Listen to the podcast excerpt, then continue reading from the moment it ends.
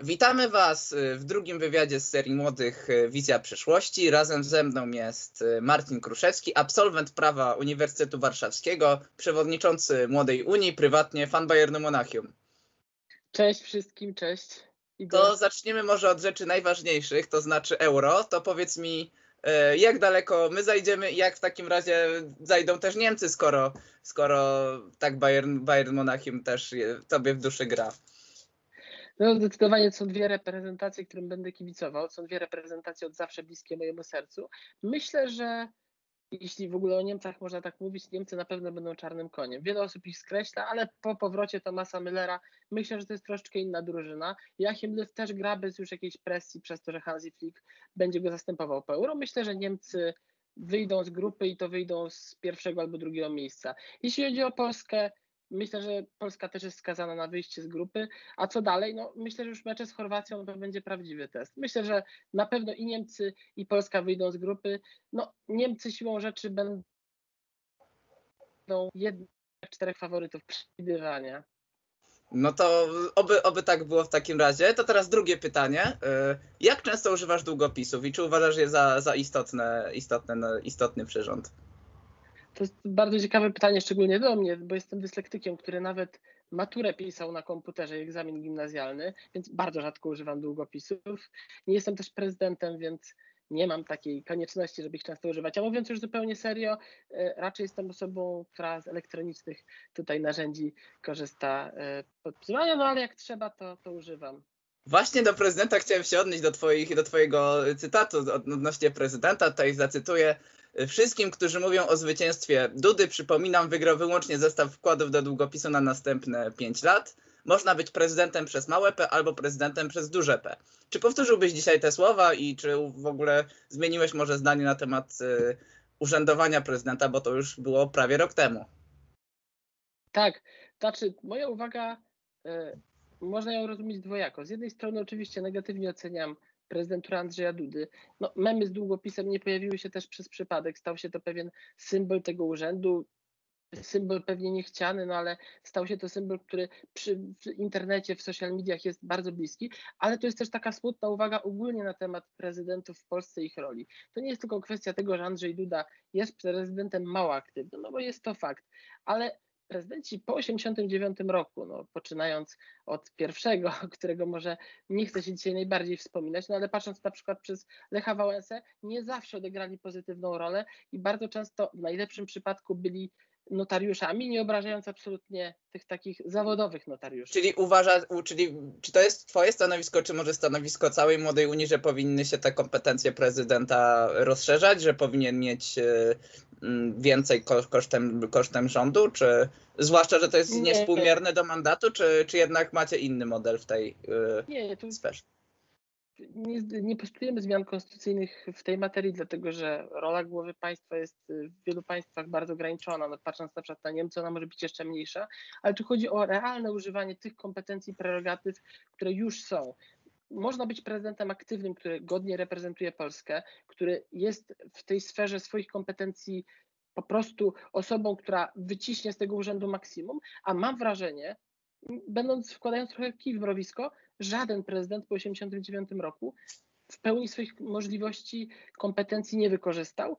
I bardzo często wręcz te kompetencje były wykorzystywane wyłącznie dla bardziej politycznych gierek niż realnych, korzystnych zmian w życiu obywateli, które absolutnie prezydent może, yy, może postulować, może petryfikować pewne wzorce. Prezydenci raczej nie podnosili rangi swojego urzędu, raczej każdy kolejny zawodził i niestety to jest taki obraz. Nie postuluję tutaj absolutnie zmian, ale postuluję bardziej korzystanie z tych kompetencji, które już są, bo jest ich wbrew pozorom całkiem dużo. Dobrze, to może w takim razie przejdźmy teraz do spraw bieżących, bo w ogóle dyskurs polityczny ostatnio mocno rozgrzała sytuacja w Radiu Z, gdzie odbyła się debata kandydatów na prezydenta Rzeszowa. Y, Grzegorz Braun, kandydat Konfederacji, został wyproszony, y, wyproszony z tego wirtualnego studia za E, obraźliwe słowa wobec mniejszości i wobec ministra Niedzielskiego. I warto też zwrócić uwagę, że to jest jakby tak końcówka kampanii wyborczej i czy uważasz w ogóle, że w takich sytuacjach powinno się osoby ze studia wypraszać, czy bo to jest w ogóle też taka dyskusja coraz częściej przecież i, Trump, i z Trumpem też tak postępowano, więc jaka, jaka jest Twoja optyka na taką sytuację? Oczywiście Radio Z jako prywatne medium ma prawo decydować, kto w tej debacie bierze udział, a kto zostanie z niej wyproszony. To absolutnie politycy nie powinni decydować o tym, co robią prywatne media. Inaczej w przypadku mediów Czyli w publicznych. przypadku publicznych y, powinno to wyglądać inaczej? Tak, tak uważam, dlatego że media publiczne nie są od oceny moralnej. Media publiczne powinny być pewnym, pewną platformą. Pewną platformą media powinny stać się takim miejscem, gdzie ścierają się różne opinie. Oczywiście, e, żeby tutaj rozwiązując stację, ja nie uważam, że Radio Z, ja na miejscu Radio Z nie wypraszam kandydata, e, abstrahując już od tego, że uważam wypowiedzi Grzegorza Brauna, szczególnie na temat e, mniejszości seksualnych, za prostu skandaliczne i które nie powinny mieć miejsca w debacie publicznej. Ale od tego powinni być wyborcy, którzy powinni ocenić to w czasie wyborów, po prostu głosami przy urnach, czyli tak zwana odpowiedzialność polityczna, polityka w tym przypadku po prostu wyborcza i odpowiedzialność cywilna. My jako Młoda Unia jesteśmy przeciwnikami penalizowania wypowiedzi. Oczywiście nie uważamy, że to powinno być postępowanie karne, ale jesteśmy zdecydowanymi zwolennikami pozwów cywilnych. Jeśli ktoś poczuł się urażony tą wypowiedzią, a miał prawo się poczuć, jako prawnik bym rekomendował e, powództwo cywilne które absolutnie nie byłoby e, niemożliwe. No, nawet w przypadku ministra Niedzielskiego, no, on oczywiście nie będzie robił popularności Grzegorzowi Braunowi. Mam wrażenie, że tą popularność e, zyskałby takim pozwem i tą popularność zyskał wyproszeniem z Radia Z. Myślę, że troszeczkę tych procentów w słupkach sondażowych zyska i myślę, że finalnie może to go kosztować pewien wzrost. E, może wyprzedzić Eweleniard, myślę, nie zdziwię się, jeśli ją wyprzedzi. Oj, ja uważam, że to, jeśli mówiliśmy już o czarnych koniach, mamy euro, mamy wybory. Grzegorz Braun zaskoczy. Myślę, że dla Konfederacji będzie to raczej lepszy niż gorszy wynik. No tak, się już, wiele osób spodziewa. Jak już jesteśmy przy sondażach, to no, nie, nie wydaje się, żeby koalicja, w której jest też wasza dorosła partia Unia Europejskich Demokratów, zano, zanosiło się, żeby była czarnym koniem. Koalicja Polska słabuje ostatnio w sondażach, yy, osiąga wyniki na granicy progu, bardzo często yy, pod tym progiem. I niepokoją was to w ogóle jako część tej koalicji słabe wyniki, bo często się w ogóle mówi, mówi o tym jako o PSL-u, no ale jesteście tam jako partia w zasadzie jeszcze wy. Natomiast no, czy jest to niepokojące, czy też myślicie o jakichś innych alternatywach, czy mm, jak to wygląda? Jeśli chodzi o te słupki sondażowe, ja zwykle starałem się na nie patrzeć z bardzo dużą dozą sceptycyzmu i to nie chodzi tylko tylko to, że po prostu tu faktycznie to są sondaże, które trzeba otwarcie powiedzieć, nie są korzystne dla mojego środowiska politycznego, dla pewnej no, bardzo luźnej formy koalicji, którą tworzymy, bo jest to koalicja oparta no, na pewnych zasadach wspólności, ale też bardzo zróżnicowana, jeśli chodzi o te podmioty. No przypomnijmy, tam jest PSL, Unia Europejskich Demokratów i konserwatyści Marka Biernackiego, więc bardzo duży przekrój tych poglądów. Ale analizując tę sytuację, uważam, że e, siłą rzeczy to jest większość elektoratu PSL-u. PSL zwykle e, odbijał się przed wyborami. Nie uważam, że Koalicja Polska powinna mieć problem z przekroczeniem progu. Oczywiście należy słuchać wyborców, patrzeć na to, co Koalicja Polska zrobiła źle, bo są oczywiście takie rzeczy. E, to, co Unia Europejskich Demokratów też może poprawić, bo nie jestem bezkrytyczny. Sam i głosowania krytykowałem i będę krytykował, jeśli pojawią się nieprawidłowe, e, niezgodne z powiedzmy projekt, programem i naszej partii, i naszej koalicji, ale uważam, że jest bardzo dużo czasu, żeby to poprawić. Co więcej, mówi się też o starcie koalicji we wspólnym bloku. Ja uważam, że analizując obecną sytuację polityczną, opozycja bardzo zyska na wspólnym froncie, na wspólnym bloku, szczególnie mówię o tej centrowo-liberalnej opozycji. No, lewica jest w pewnym Właśnie, sensie... właśnie, jak już jesteśmy przy tych wspólnych blokach, to, jakby jakiś czas temu, teraz trochę mniej mówiło się o projekcie nowej Hadecji i tutaj jakiś patronaż e, Bronisława Komorowskiego, Mówi się też o współpracy z Szymonem Hołownią, z Jarosławem Gowinem. Coraz więcej też się mówi o, e, o Donaldzie Tusku, który ma po raz kolejny wrócić na, na tym białym koniu. I, I gdzie wy w tym wszystkim, jeszcze w kontekście sondaży, czy w takim razie uważacie, że w wyborach parlamentarnych, które nie wiadomo kiedy się odbędą, e, powinny być tutaj dwie listy, trzy listy, czy, powinni, czy tutaj powinno się wziąć pod uwagę właśnie też ten wpływ Gowina, Komorowskiego czy Tuska? Tak, to być może zabrzmi to zuchwale jako przedstawiciela małej partii, partii, która ma e, niedużo mandatów w polskim parlamencie, ale uważam, że koalicja po pierwsze powinna być oparta o wspólne wartości, o wspólne ideały. Nie uważam, że jakiekolwiek wspólne wartości mamy na przykład z Jarosławem Gowinem e, nie uważam, że to jest osoba, która jest w stanie walnie przyczynić się do zwycięstwa opozycji, patrząc na przykład na to, że nawet wśród własnego klubu nie ma on bardzo dużego poparcia, no bo nawet tu w przypadku teraz kandydata na rzecznika nie wiemy, ilu tak naprawdę jego ludzi jest w stanie nie poprzeć Lidii Staroń. To się jeszcze okaże, ale wiele wskazuje na to, że może tutaj to się potoczyć inaczej niż chciałby e, szef porozumienia. Ja uważam, że ta ta koalicja powinna opierać się po pierwsze właśnie o to, co powiedziałem, czyli o wartości.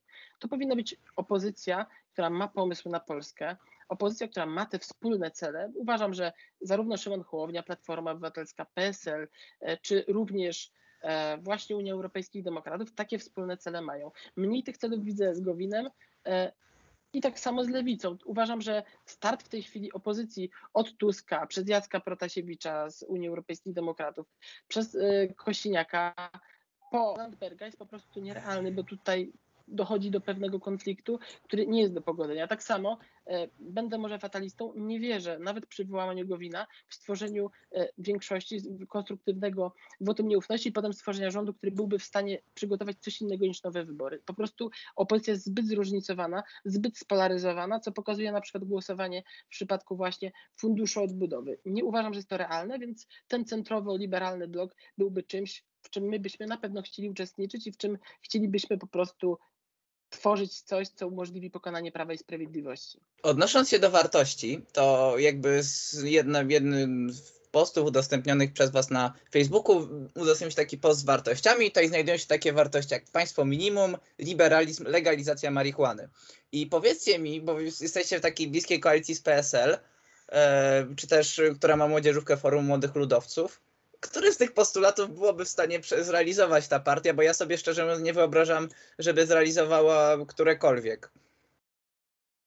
Tak, zdecydowanie są elementy, które w koalicji polskiej nas różnią i myślę, że te właśnie elementy to są nieprzypadkowo takie elementy, które różnić nas będą. Ale to dlaczego jesteście w koalicji? prawicą, łączą nas pewne wspólne wartości, o których mówiłem, ale odpowiadając na te trzy przykłady, z pewnego powodu są takie głosowania, są takie działania nawet w parlamencie, gdzie nasi parlamentarzyści głosują inaczej. W kwestii szczególnie tych ustaw obyczajowych no mamy wielokrotnie inne stanowisko. To samo w wielu kwestiach gospodarczych. No, nieprzypadkowo mieliśmy swojego kandydata Rzecznika Praw Obywatelskich przez pewien okres, nie tego, co koalicja cała Polska. Tak samo głosowaliśmy, właściwie poseł Protasiewicz e, nie głosował za tym funduszem odbudowy. Mamy tutaj pełną swobodę. Koalicja jest oczywiście politycznym monolitem, ale jeśli chodzi o ideologię, mamy tutaj dużą swobodę. Zresztą muszę tutaj pochwalić koalicjanta, bo nigdy w życiu te różnice nie były wykorzystywane do jakichś podkopywania gierek politycznych. No to jest po prostu koalicja, która jest koalicją,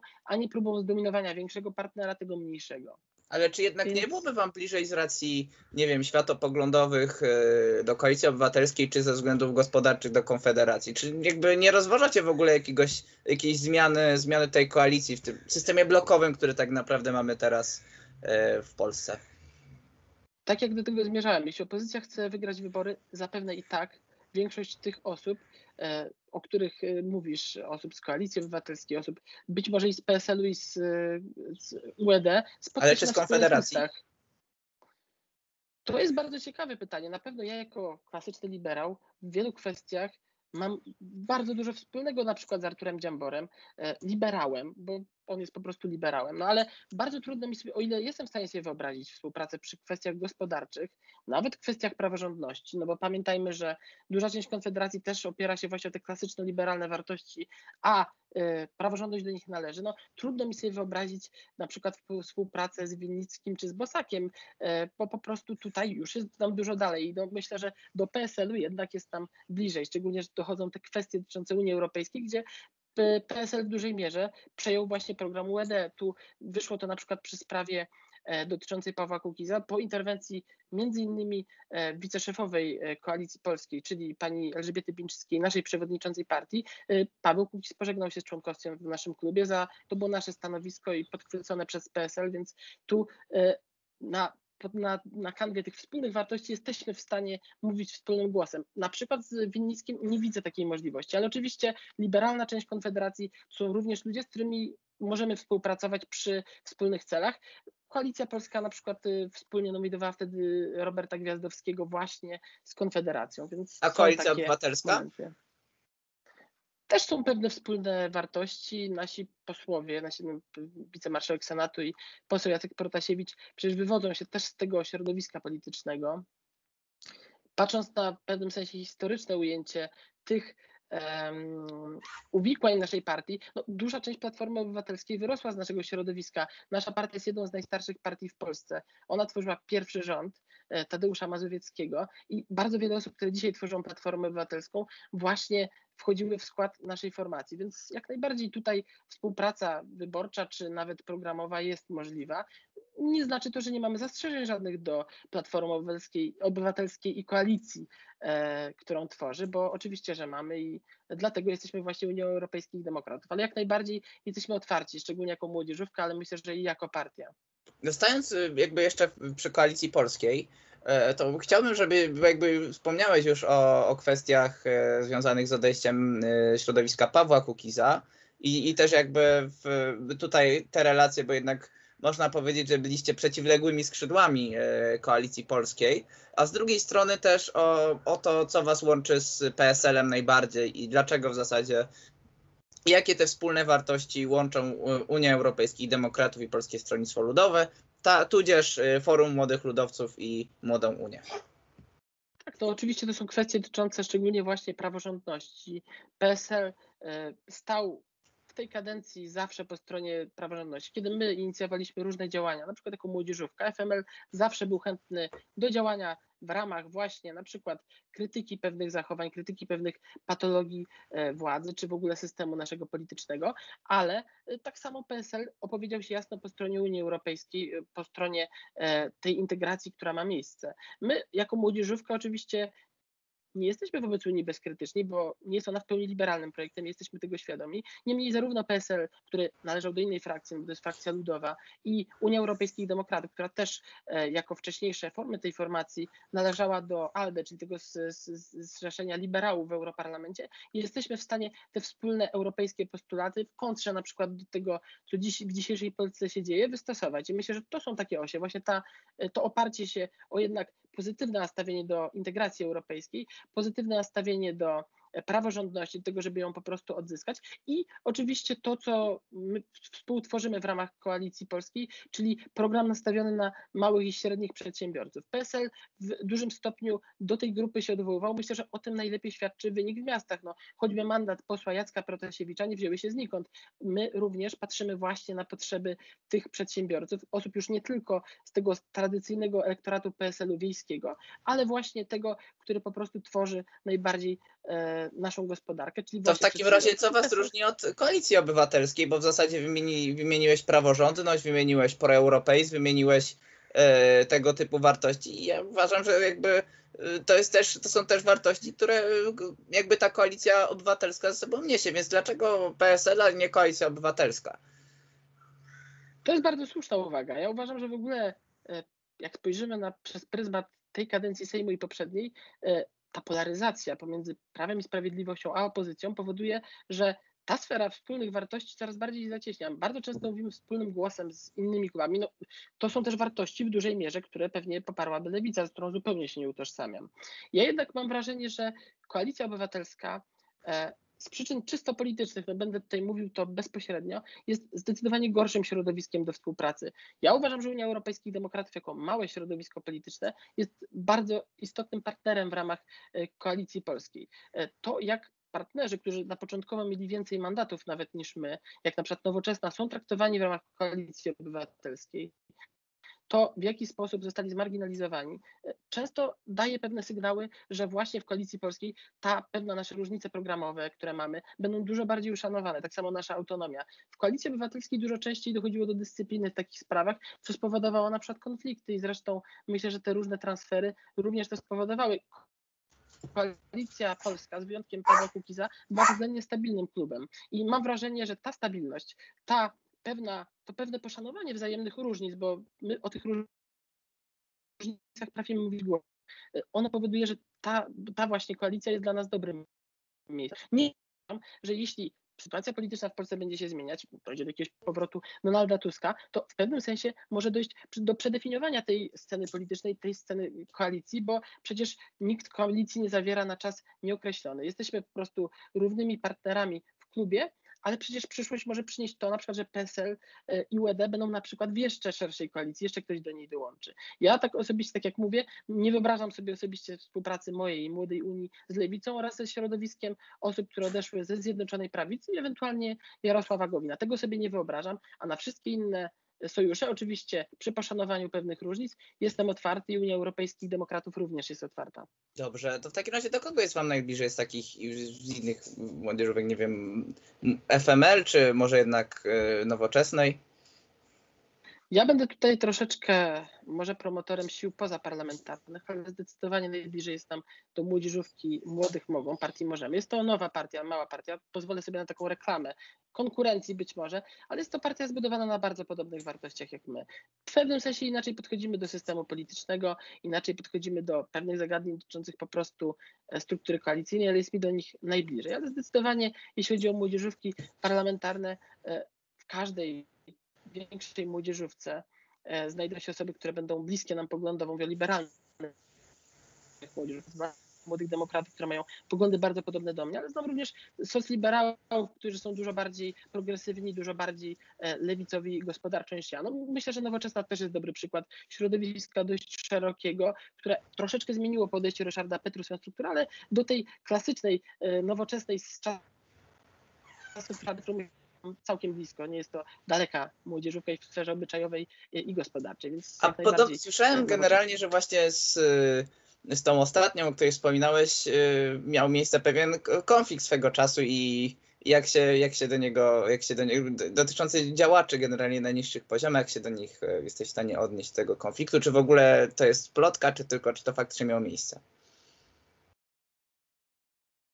Plotka na pryzmat tego być może zdarzają się jakieś starcia między konkretnymi działaczami. Nawet u nas w naszej młodzieżówce są pewne różnice zdań, które nie zawsze są rozwiązywane w sposób po prostu modelowy. E, zdarzają się takie sytuacje, ale myślę, że nawet ostatnie nasze działania, wspólna inicjatywa e, Młodej Unii Nowoczesnej, też tam była młodzieżówka Młodych Demokratów, gdzie popieraliśmy zwiększenie zakresu wolności słowa i depenalizację na przykład znieważenia prezydenta, no to pokazuje, że chyba ten konflikt nie jest bardzo silny, więc sam znam osoby różne z nowoczesnej e, tutaj większych konfliktów nie przypominam sobie, no, co nie znaczy, że ta, do takich nie dochodziło. No, ja przynajmniej na pewno nie byłem e, aktywnym e, sprawcą ani aktywnym uczestnikiem takiego konfliktu. No, też przez różne przetasowania są osoby, które kiedyś działały w Młodych Nowoczesnych, są obecnie u nas. Myślę, że siłą rzeczy takie transfery, przejścia zawsze będą generować pewne e, tarcia, ale myślę, że to, w jaki sposób Unia Europejskich Demokratów jest nastawiona do e, nowoczesnych niech pokaże fakt, że poseł Jacek Protasiewicz, kiedy był członkiem e, federacyjnego klubu w poprzedniej kadencji PSL UED, e, kiedy Nowoczesna zaczęła tracić klub i zaczęli odchodzić od nich posłowie, to właśnie Jacek Protasiewicz zapisał się wyłącznie po to, aby ten klub ratować, za zgodą Kośniaka Kamysza, za zgodą naszych koalicjantów, aby po prostu pomóc Nowoczesnej, żeby ten klub zachowała. To się niestety nie udało, no ale my jesteśmy jak najbardziej we wszystkich realnych organizacji nastawieni pozytywnie. Ja mogę tutaj same przyjazne i same mm, e, dobre życzenia tylko złożyć. Dobrze, generalnie wspominałeś o... o... Fundamentalnej kondycji nie ma mowy. Jasne, wspominałeś o dużych e, tradycjach e, UED, ale mimo wszystko jest to środowisko anonimowe, tam na Facebooku ma ledwo ponad 8 tysięcy polubień. Wy macie w ogóle dwa razy mniej, pomimo dość dużej aktywności internetowej i co w zasadzie idzie, co w zasadzie poszło nie tak, że w sumie jest ta aktywność na dość niskim poziomie. Ja myślę, że Młoda Unia to nie jest taki papierek lakmusowy e, świadczący o właśnie małej aktywności. Ja uważam, że jest wręcz inaczej. Właśnie Młoda pytam, czy pomimo, dlaczego pomimo, pomimo e, dużej aktywności jest e, mały, mały, mały wydźwięk tak naprawdę? Znaczy, ja nie uważam, że mały wydźwięk. Młoda Unia powstała pół roku temu e, ponad, powstała w październiku zeszłego roku. To jest młodzieżówka, która jest chyba najmłodszą młodzieżówką z, pośród tych młodzieżówek parlamentarnych partii. Nie wiem, czy są jakieś młodsze. E, I w ciągu tego czasu zdołała sobie zarówno, jeśli chodzi o algorytmy facebookowe, nawet to sprawdzałem jakiś czas temu, chociaż sam się social mediami nie zajmuję, konkurować z tymi największymi młodzieżówkami. Patrząc na przyrost choćby polubień na Facebooku, to nie jest oczywiście transparentna jakaś e, statystyka, no bo to tak naprawdę o niczym nie świadczy, ale doganiamy te największe największe podmioty. No 5 tysięcy w pół roku. Myślę, że zwiastujesz do końca roku jesteśmy w stanie dogonić te młodzieżówki, które są już dużo dłużej na rynku. Jeśli chodzi o partie, no Unia Europejskich Demokratów jest bezpośrednim następcą prawnym i spadkobiercą Unii Wolności i Unii Demokratycznej. W wyniku między innymi różnych rozłamów w przeszłości ta partia stała się w większym stopniu marginalna, no ale nowy projekt który rozpoczęliśmy, projekt, który zaowocował e, zdobyciem najpierw koła poselskiego, potem umocnieniem tej, e, utrzymaniem tej e, reprezentacji parlamentarnej, nawet uzyskaniem tytułu wicemarszałka Senatu dla naszego jednego z parlamentarzystów, marszałka Michała Kamińskiego, no pokazuje, że ten proces zmian następuje dość dynamicznie i szybko. Ja uważam, że Młoda Unia w przeciągu najbliższych miesięcy E, jeśli chodzi o ten potencjał facebookowy, na pewno dogoni e, konkurencję. W tej chwili jesteśmy niedaleko FMS-u, a przypomnijmy, że na młodzieżówka SLD działa już działamy parę miesięcy, więc patrzę na to z optymizmem. Jeśli chodzi o tutaj nasze zasięgi, to do jakich trafia e, grup, analizując te strategie, jesteśmy top na Facebooku. No, myślę, że należy patrzeć z czas, to myślę, że nie będzie mowa już o 5, a może o 10 tysiącach do końca roku albo w przeciągu następnego roku. Jeśli chodzi o przyszłość, to jakie są Wasze najważniejsze cele w perspektywie dwóch, trzech lat? Skoro ja wiem, że to w Waszej perspektywie Waszego istnienia to jest, e, to są wręcz lata świetlne, ale czy macie jakieś tutaj e, jasno założone perspektywy i cele? Tak, zarówno Młoda Unia, jak i Unia Europejskich Demokratów to jest partia, która przechodzi w tej chwili gruntowną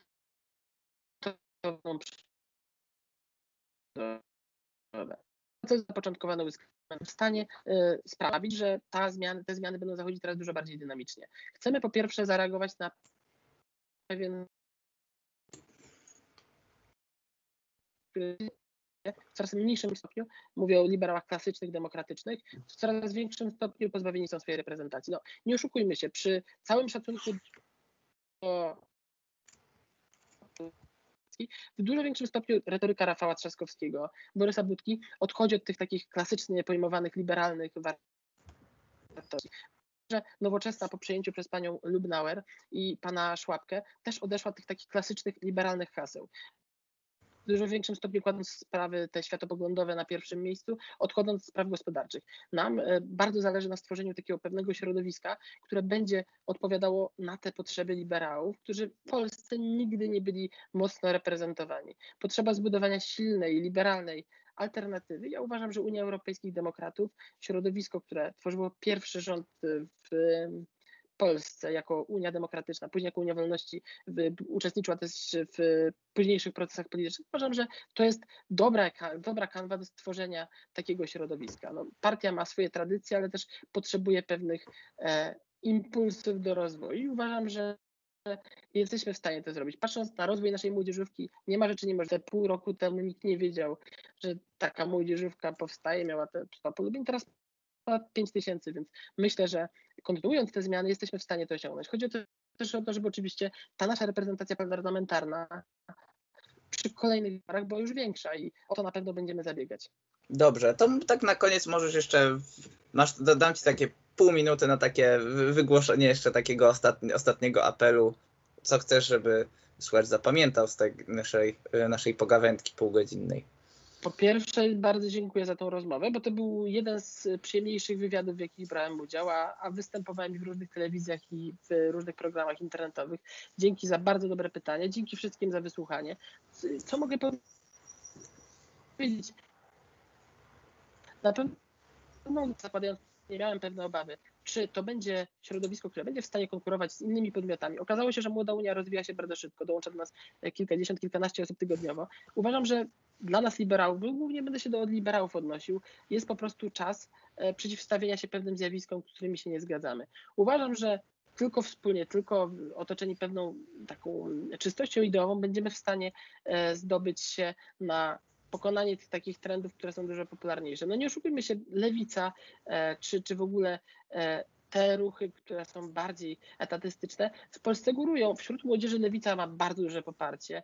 E, za to w dorosłej no, Ale też Konfederacja. Wskazuje na to, że Konfederacja też, ale Konfederacja, zauważmy też, to nie jest Konfederacja taka jak na przykład Kongres Nowej Prawicy, czy wcześniej Partia Korwina, to jest już partia dużo szersza, w której narodowcy, śmiem twierdzić, wiodą prym względem wolnościowców, więc ja liczę na to, że uda się tych liberałów zjednoczyć. Jeśli to będzie w ramach Młodej Unii czy Unii Europejskich Demokratów, to będę się cieszył, że to się uda, ale pamiętajmy, to nie szyldy polityczne są ważne, nie to, że jedna czy druga partia będzie miała więcej mandatów. Walczmy po prostu o to, żeby nas liberałów w polskiej polityce było więcej i żeby nas głos był słyszalny. Jeśli to się stanie czy w ramach Unii Europejskich Demokratów, czy innego środowiska, no to na pewno będę mógł powiedzieć, że udało się osiągnąć to, o co ja i wiele osób z Młodej Unii zabiega. Czyli liberałowie wszystkich krajów, łączcie się. E, ze mną był e, Marcin Kruszewski z Młodej Unii. Dziękuję bardzo. Dziękuję bardzo.